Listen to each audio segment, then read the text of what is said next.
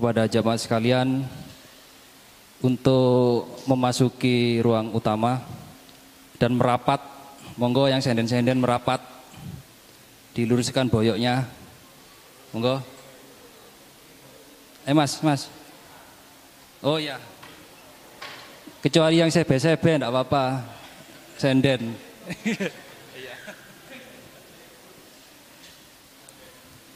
Sini Mas agak merapat. Eh agak sebar ini. Monggo.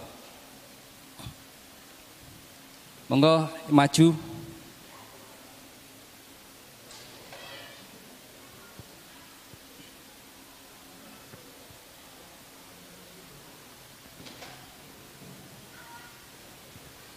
Bismillah, Assalamualaikum warahmatullahi wabarakatuh.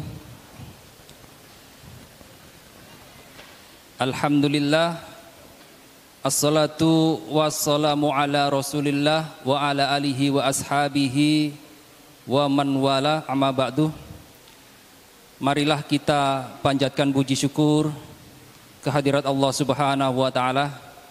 Karena pada kesempatan yang baik ini kita dipertemukan di tempat yang mulia ini dalam rangka tolabul ilmi. Semoga langkah-langkah kita dari rumah ke masjid ini dihitung pahala dan ampunan oleh Allah Subhanahu wa taala.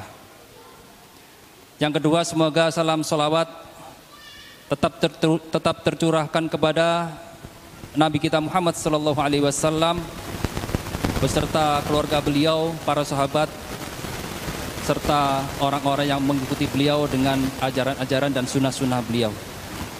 Ikhwani fitin rahimani rahimakumullah.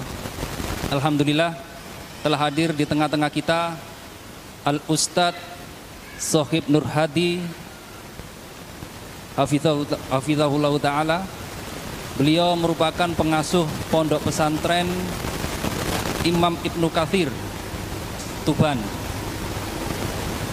Semoga apa yang beliau sampaikan pada malam hari ini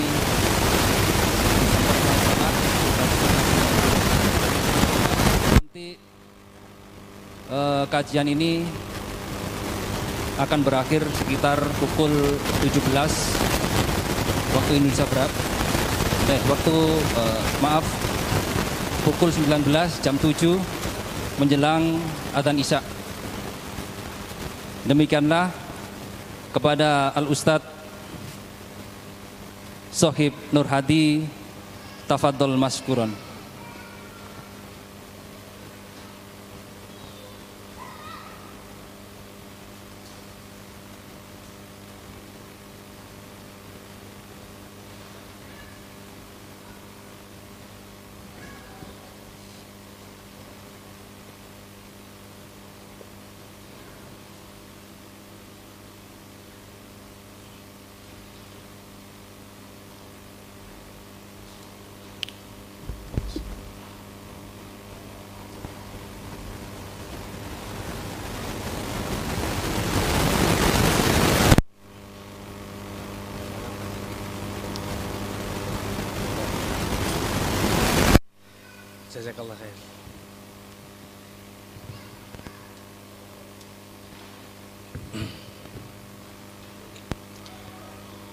Assalamualaikum warahmatullahi wabarakatuh.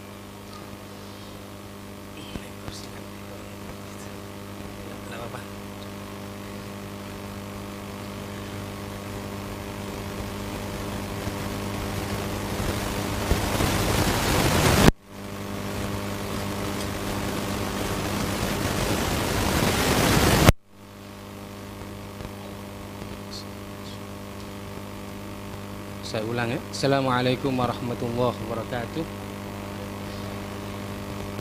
Innal hamdalillah wassalatu wassalamu ala Rasulillah wa ala alihi wa ashabihi wa man wala.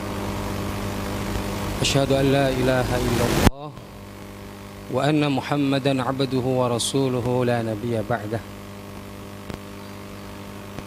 أيها الذين آمنوا اتقوا الله حق تقاته ولا تموتن إلا وأنتم مسلمون. فإن أصدق الحديث كتاب الله وخير الهدي هدي محمد صلى الله عليه وسلم وشر الأمور محدثاتها وكل محدثة بدعة وكل بدعة ضلالة وكل ضلالة في النار. Kaum muslimin saudara-saudara sekalian ikhwani fillah. Pertama marilah kita bersyukur kepada Allah Subhanahu wa taala yang telah memberikan kepada kita nikmat. Sering kalau kita membaca Al-Qur'an Allah Subhanahu wa taala menasihati kita memberikan sindiran kepada kita agar kita selalu bersyukur kepadanya. Misalnya di dalam surah Ar-Rahman Allah Subhanahu wa taala menasihati kita dengan firman-Nya ayyi ala rabbikuma tukadziban maka nikmat Tuhanmu yang mana lagi yang hendak engkau dustakan? Ini diulang oleh Allah Subhanahu wa taala kurang lebih 32 kali. Ini untuk mengingatkan kita bahwasanya kita ini harus terus bersyukur kepada Allah Subhanahu wa taala. Sebagaimana yang disampaikan oleh Imam Nawawi rahimahullah taala bahwasanya bersyukur kepada Allah Subhanahu wa taala dengan mengucapkan alhamdulillah memuji Allah Subhanahu wa taala. Kedua, meyakini bahwasanya nikmat itu datangnya dari Allah Subhanahu wa taala. Yakin sepenuhnya 100% kalau nikmat itu datang dari Allah Subhanahu wa taala. Kemudian yang terakhir kata Imam Nawawi bahwasanya dengan nikmat yang diberikan oleh Allah Subhanahu wa taala tersebut kita harus bisa mendekatkan diri kepada Allah Subhanahu wa taala dengannya. Artinya salah satu daripada rukun syukur ini kalau kita hilangkan salah satu maka syukur kita batal tidak diterima oleh Allah Subhanahu wa taala. Jadi ketiga-tiganya harus kita sempurnakan. Mengucapkan alhamdulillah kemudian mengakui bahwasanya nikmat tersebut datang dari Allah. Yang terakhir kita mendekatkan diri kepada Allah dengan nikmat tersebut. Ikhwani fillah rahimakumullah. Pada kesempatan yang berbahagia ini insyaallah kita akan sampaikan satu hadis yang insyaallah faedahnya sangat banyak. Ya. Karena ini kajiannya tematik. Ya.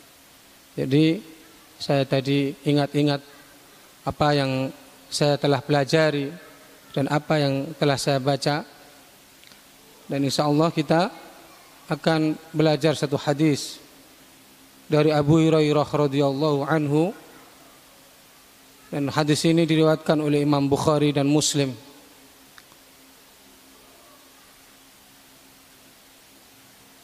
perlu diketahui bahwasanya para sahabat ridwanullah alaihim sebagian mereka menanyakan kebaikan atau amalan-amalan yang bisa membawa mereka kepada surga.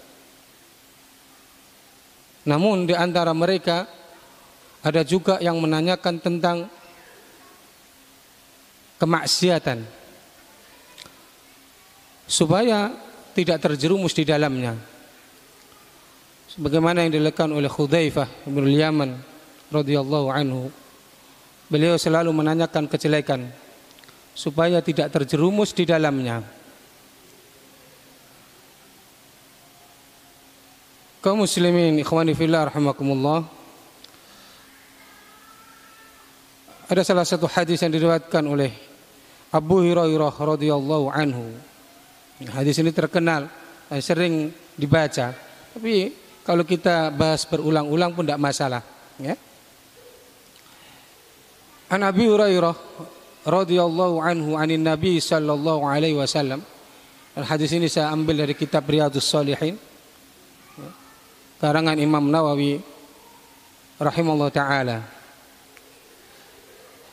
Ani Nabi sallallahu alaihi wasallam qala ijtanibus sab'a maubiqat. Ya. Jauhilah oleh kalian tujuh dosa besar. Ya. Jadi judulnya ini apa judulnya? Kita buat judul tujuh dosa besar yang harus kita jauhi. Ijtanibus sab'al mubiqat qalu Ya Rasulullah wa mahunna Kebiasaan para sahabat ya. Mereka selalu bergegas menanyakan Apa tujuh dosa besar itu wahai Rasulullah Sallallahu alaihi wasallam? Kala asyirku billah. Yang pertama adalah syirik. Dan ini sangat penting Pembahasan syirik Lawannya adalah tauhid ini dibahas sepanjang masa. Karena Allah Subhanahu wa taala mengutus rasulnya mengutus nabi-nabinya supaya mereka menyampaikan tentang tauhid dan menyampaikan tentang kesyirikan.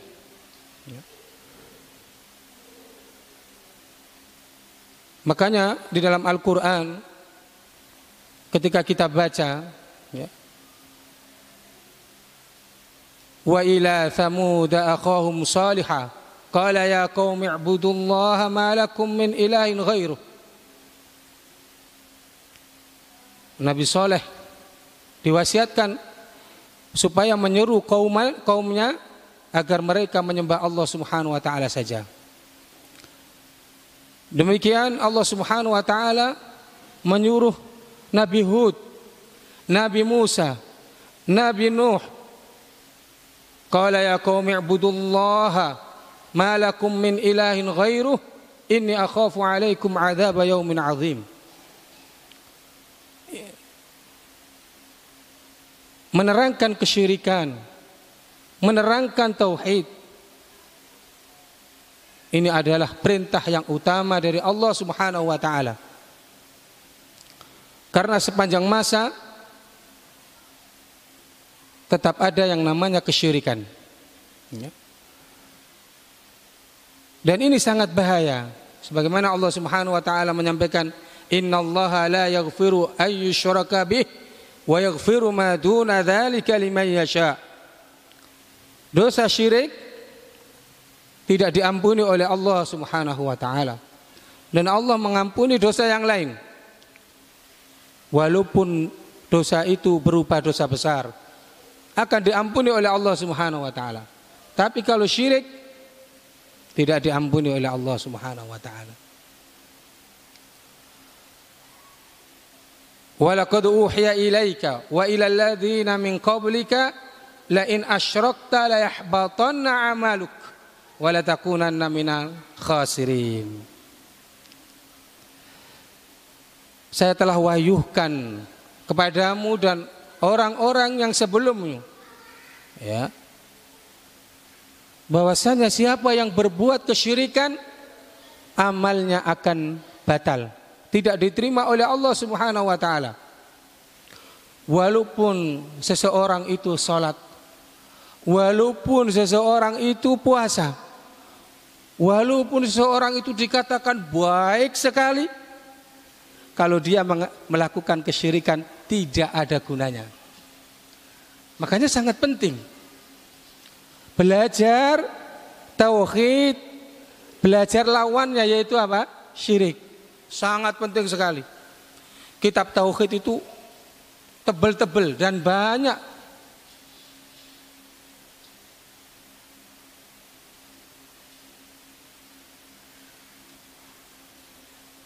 Maka ini harus kita pelajari. Akhifillah rahimakumullah. Dan syirik ini. Yang pertama, dosa besar yang pertama adalah apa? Syirik. Allah Subhanahu wa taala menyuruh kita apa? Menyembahnya. Yang namanya ibadah itu adalah tunduk, khudu, khusyuk diperuntukkan untuk Allah Subhanahu wa taala. Ini namanya ibadah. Kecintaan kita, pengagungan kita hanya untuk Allah Subhanahu wa taala. Kita jelaskan. Yang namanya syirik ini. Pada suatu kesempatan di kisah yang telah lalu yang telah kita baca ada dua orang. Dua orang. Apabila dua orang ini lewat atau ketika dua orang ini lewat di suatu kampung ya sama pemilik kampung tersebut dua orang ini disuruh apa? Berkorban. Berkorbannya kecil sekali yaitu apa? Lalat Singkat cerita, ya, yang satunya rela berkorban supaya dia selamat dan dia masuk neraka. Yang satunya dia tidak mau berkorban. Lalu dia tidak selamat.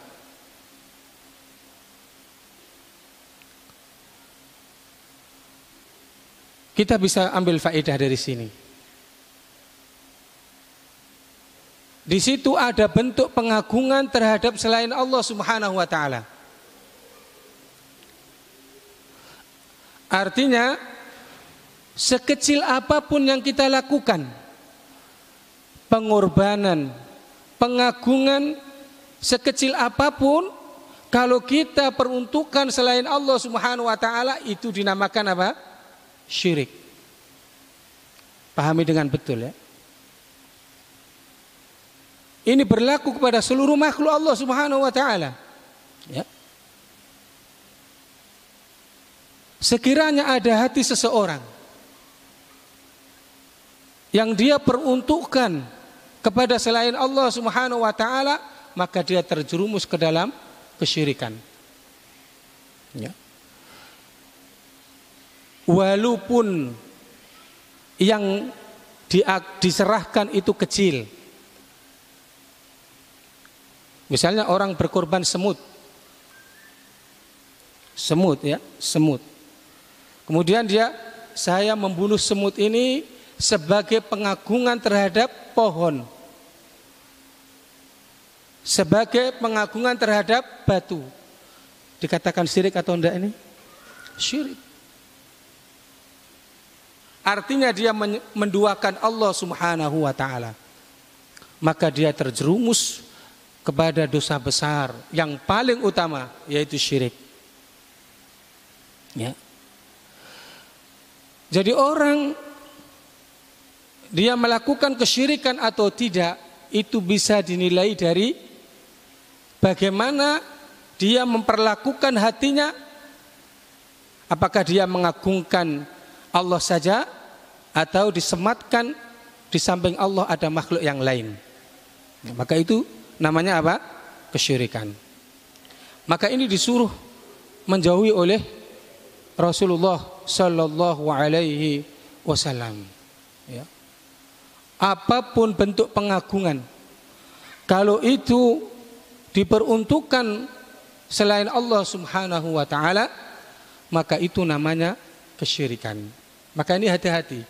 Semuanya kepada anak, kepada istri, Makanya Allah Subhanahu wa taala berfirman apa?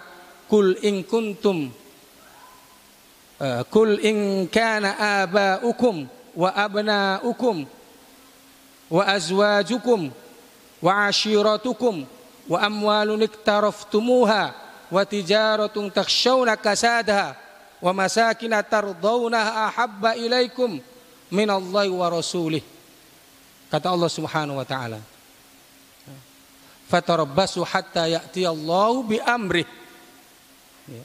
ini adalah sebuah bentuk pengagungan terhadap makhluk Allah Subhanahu wa taala kalau kamu mengagungkan istrimu, mengagungkan anakmu, mengagungkan tempat tinggalmu, mengagungkan keluargamu dan yang lainnya melebihi Allah Subhanahu wa taala, maka tunggulah azab Allah Subhanahu wa taala. Nah, ini hakikat syirik kaum muslimin. Maka kita harus jauhi. Ya, harus kita pahami betul-betul kaidah ini. Kaum muslimin yang dirahmati oleh Allah Subhanahu wa taala. Makanya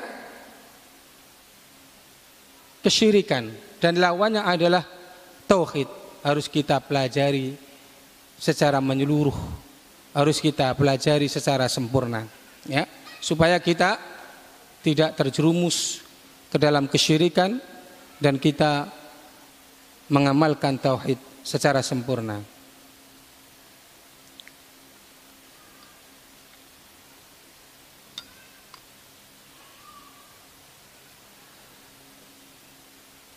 Kemudian kata Rasulullah Shallallahu Alaihi Wasallam, yang kedua yang termasuk dosa besar adalah wasihru, sihir. Ya, saya sebutkan beberapa ya, perkataan para ulama tentang sihir ya. Sebagaimana yang dikatakan oleh Ar-Razi, ya, sihir itu hanya khusus berkenaan dengan segala sesuatu yang sebabnya tidak terlihat. Ya. Dan digambarkan seperti hakikat. Ini perkataan siapa tadi? Ar-Razi. Imam Ibnul Qayyim menyebutkan ya, sihir adalah ikatan-ikatan, jampi-jampi tulisan-tulisan ya. atau melakukan sesuatu yang mempunyai kekuatan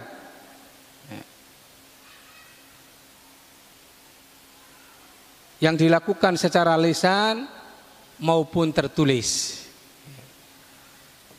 Nanti saya jelaskan ya.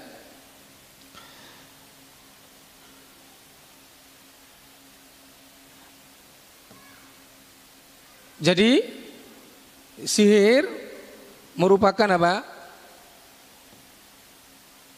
Ikatan-ikatan, jampi-jampi atau tulisan-tulisan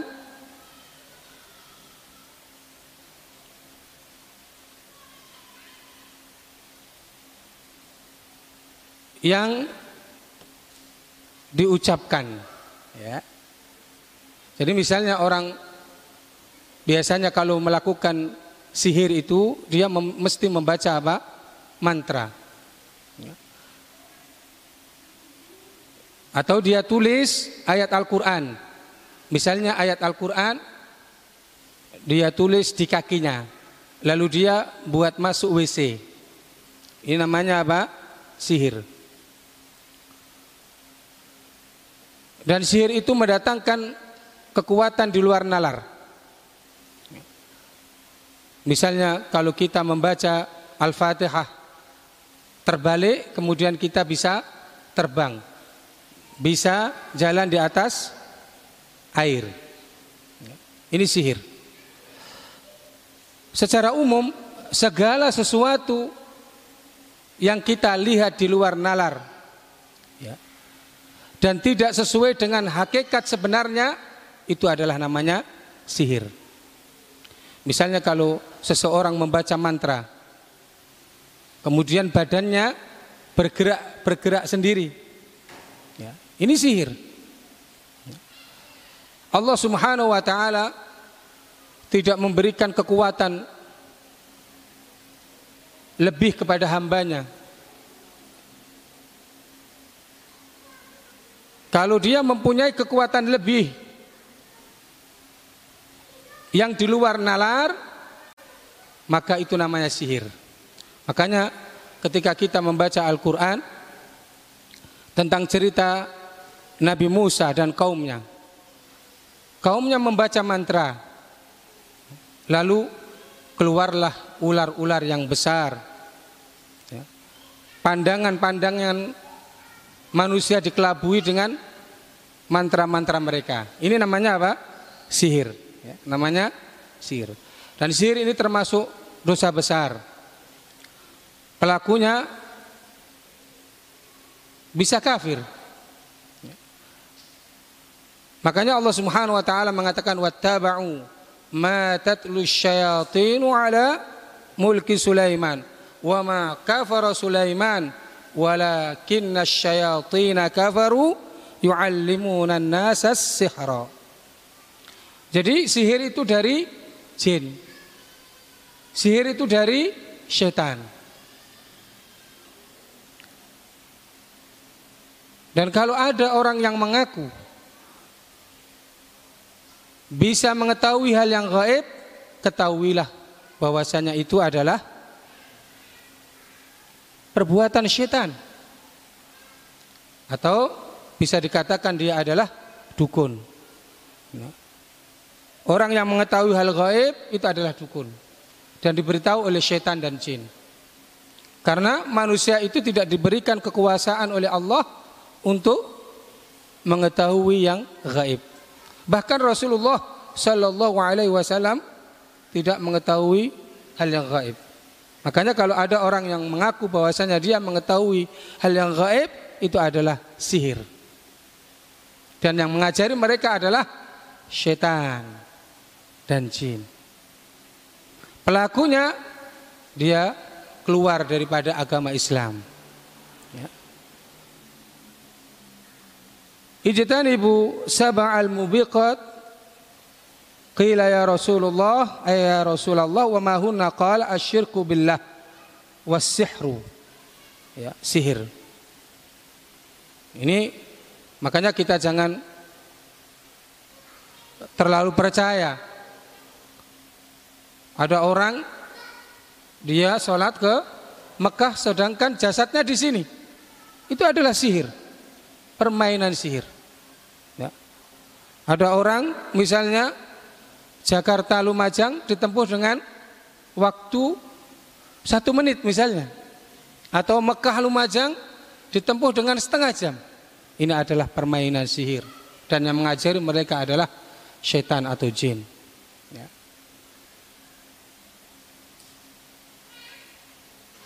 Kemudian yang selanjutnya yang termasuk dosa besar adalah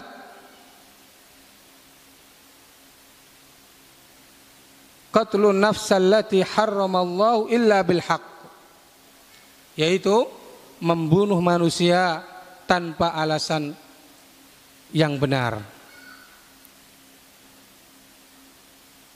Allah Subhanahu wa taala berfirman Min ajli dzalika katabna ala bani Israil annahu man qatala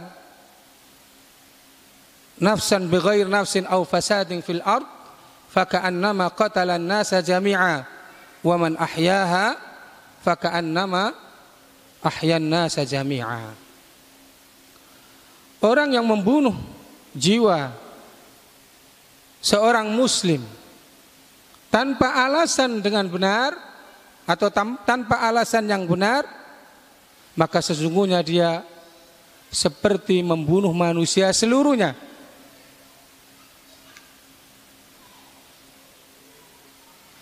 dan ini merupakan dosa yang sangat besar di sisi Allah Subhanahu wa taala tentang membunuh jiwa ini maka tidak gampang ya ketika seseorang menghilangkan nyawa orang lain Lalu dia santai saja. Dia sebetulnya melakukan dosa yang sangat besar walaupun tidak keluar daripada agama. Karena dosa besar itu atau membunuh orang, ya, dia tetap saja sebagai seorang apa? muslim dan ketika dia mati dia disolati. Ya. Tidak keluar daripada agama Islam. Beda dengan syirik, beda dengan sihir. Dan pelaku dosa besar ketika Allah Subhanahu wa taala berhak maka Allah Subhanahu wa taala mengampuninya. Ketika Allah Subhanahu wa taala berkehendak, Allah Subhanahu wa taala akan mengadabnya. Oke, sekarang kita banyak jumpai membunuh jiwa itu dengan mudahnya. Ya. Karena sakit hati dia racun. Karena sakit hati dia bunuh. Karena e, ingin mencuri harta bendanya dia bunuh. Bahkan ada seorang anak membunuh ibunya. Nah, ini adalah perbuatan yang sangat keji di sisi Allah Subhanahu wa taala. Wa qatlu nafs allati haramallahu illa. Seorang muslim kalau dia mengucapkan kalimat syahadah asyhadu alla ilaha illallah wa anna muhammadan abdu wa rasuluh maka semuanya terjaga. Darahnya, hartanya dijaga oleh Allah Subhanahu wa taala. Lalu yang selanjutnya yang termasuk dosa besar adalah aklur riba wa aklur riba. Riba. Ya. Riba ini sebagaimana yang diterangkan oleh Rasulullah Shallallahu Alaihi Wasallam adanya di emas, perak, kemudian gandum, kemudian tepung, kemudian tamar.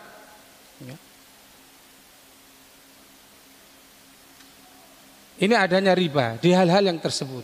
Ya. Dan riba ada dua, riba nasiah, kemudian riba apa? Al-fadl. Ya. Ada yang berkaitan dengan hutang, ada yang berkaitan dengan jual beli. Kalau Allah Subhanahu wa taala menerangkan yang berkaitan dengan riba dalam Al-Qur'an, alladzina ya'kuluna riba la yaqumuna illa kama yaqumul ladzi yatakhabbatu syaitanu minal mas orang yang dia suka makan riba maka mereka tidak akan bisa berdiri tegak kecuali kayak orang kesurupan. Sempoyongan. Ya. Orang yang suka makan riba.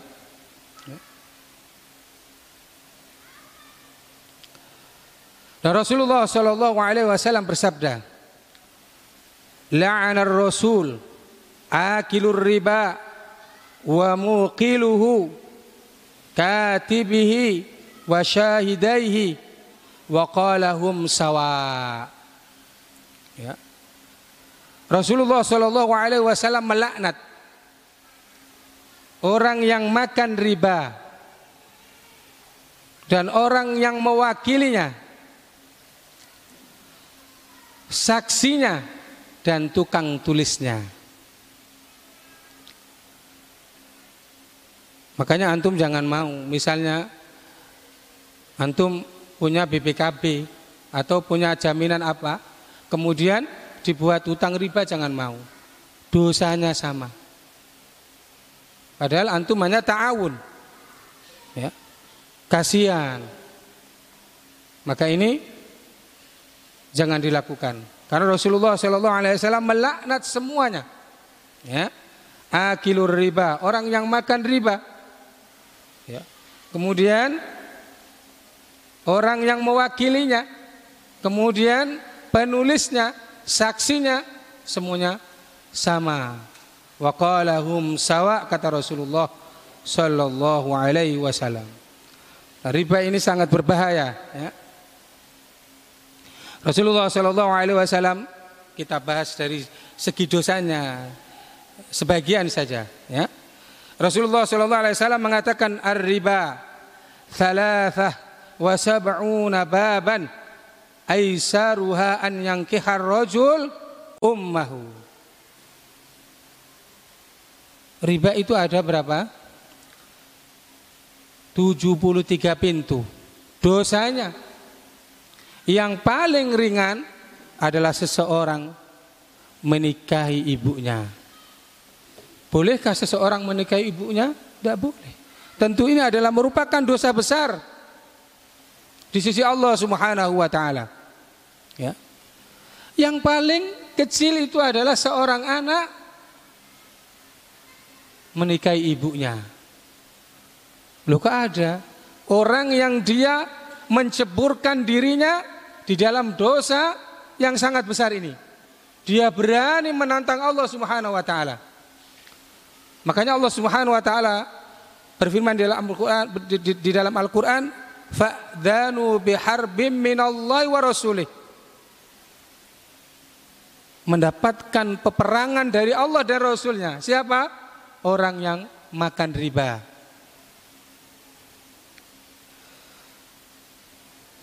Ini dibahas oleh Allah Subhanahu wa taala dalam surat Al-Baqarah.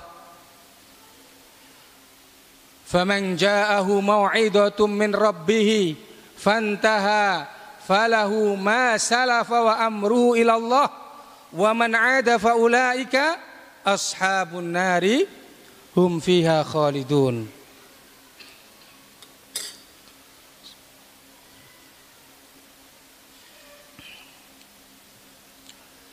Siapa yang datang nasihat dari Allah Subhanahu wa taala?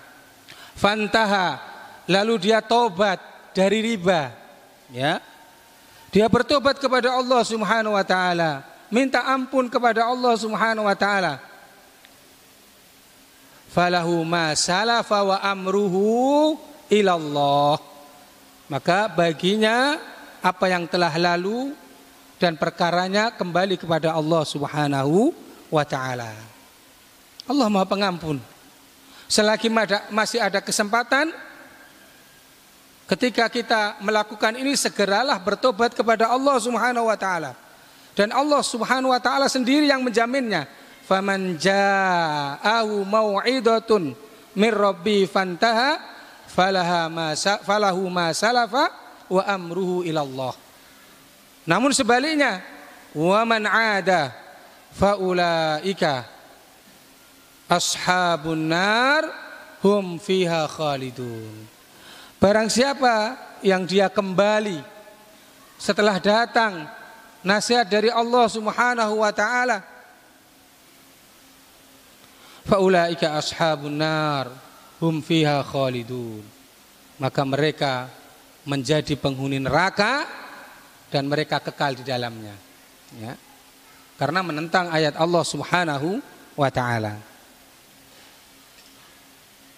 Kemudian dua lagi yang kita sebutkan. Biar kita hati-hati tentang riba. Tidak sembarangan. Ya. Madirhamun ar-riba ya'kulur rajul wa huwa ya'lam.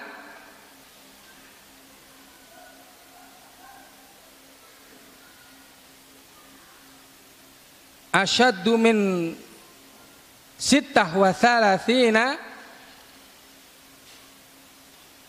tazniyatan. Tidaklah satu dirham. Perhatikan ini. Tidaklah satu dirham dari riba yang dimakan oleh seseorang. Kita makan riba berapa tadi? Satu dirham. Kita makan dan kita tahu bahwasanya riba itu diharamkan oleh Allah Subhanahu wa taala ya sesungguhnya dosanya lebih besar daripada 36 kali berzina kaum muslimin rahmati lebih berat daripada 36 kali berzina. Karena dia termasuk dosa besar. Ya.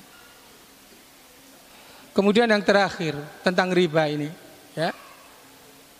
Ma ahadun aksar minar riba illa kana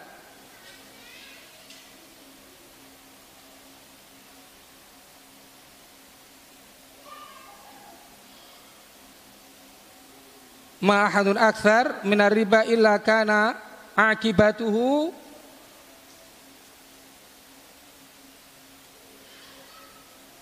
amruhu ila killah. Ya. Jadi ketika seseorang mendapatkan hartanya dari cara riba, maka ketahuilah sebesar apa pun dia mempunyai harta, sekaya apa pun dia mempunyai harta, maka kelihatan atau harta itu nampak bagi dirinya sedikit. Makanya orang yang makan riba, dia tidak puas dengan pekerjaannya. Dia sudah punya harta banyak. Kasihkan orang lagi hitangkan. Kemudian dia ambil bunganya. Kemudian dia kumpulkan terus, dia tumpuk. Terus dia kumpulkan. Namun dia tidak puas. Karena kelihatan di matanya hartanya itu sedikit. Dan ini azab dari Allah subhanahu wa ta'ala. Dan kita ketahui bahwasanya lintah darat sejak zaman dahulu sampai sekarang dia tidak puas dengan hartanya. Walaupun dia punya banyak harta, dia tidak puas. Karena itu azab dari Allah Subhanahu wa taala. Wa qatlu nafsal lati harramallahu illa bil haqq. Wa aklu riba wa aklu mal al yatim wa tawalli ay tawalla yawm az-zuhfi yawm az-zahfi wa qadhafa al-muhsanat al-mu'minat al-ghafilat. Saya teruskan apa? Yang selanjutnya adalah makan harta dari anak yatim. Allah Subhanahu wa taala berfirman innal ladzina ya'kuluna amwalal yatama dzulman innama ya'kuluna fi butunihim nara. Sesungguhnya orang-orang yang makan harta anak yatim secara zalim. Dia makan hartanya secara zalim. Maka sesungguhnya sama saja dia memasukkan api neraka ke dalam perutnya. Kemudian yang selanjutnya adalah lari ketika peperangan. Ini juga termasuk dosa besar. Yang terakhir adalah menuduh wanita muslimah berzina. Dan ini diterangkan oleh Allah Subhanahu wa taala di dalam surat An-Nur tentang menuduh wanita yang suci dengan tuduhan zina. Maka dia diberikan hukuman 80 kali cambuk dan tidak diterima persaksiannya selamanya karena mereka termasuk orang-orang yang fasik kecuali orang-orang yang mau bertobat kepada Allah Subhanahu wa taala. Kaum muslimin ikhwani fillah rahimakumullah. Sebetulnya masih ada tambahan-tambahan yang hendak kita sampaikan. Tapi kita cukupkan di sini dan kita ambil faedah dari hadis ini dan masih banyak faedah-faedah yang lain.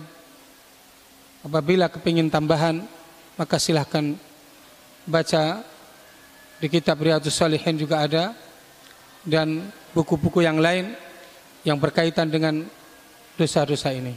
Wallahu taala ala wa alam. Semoga Allah Subhanahu wa taala melindungi kita semuanya. Subhanakallahumma hamdika asyhadu an la ilaha illa anta astaghfiruka wa atubu ilaik. Assalamualaikum warahmatullahi wabarakatuh.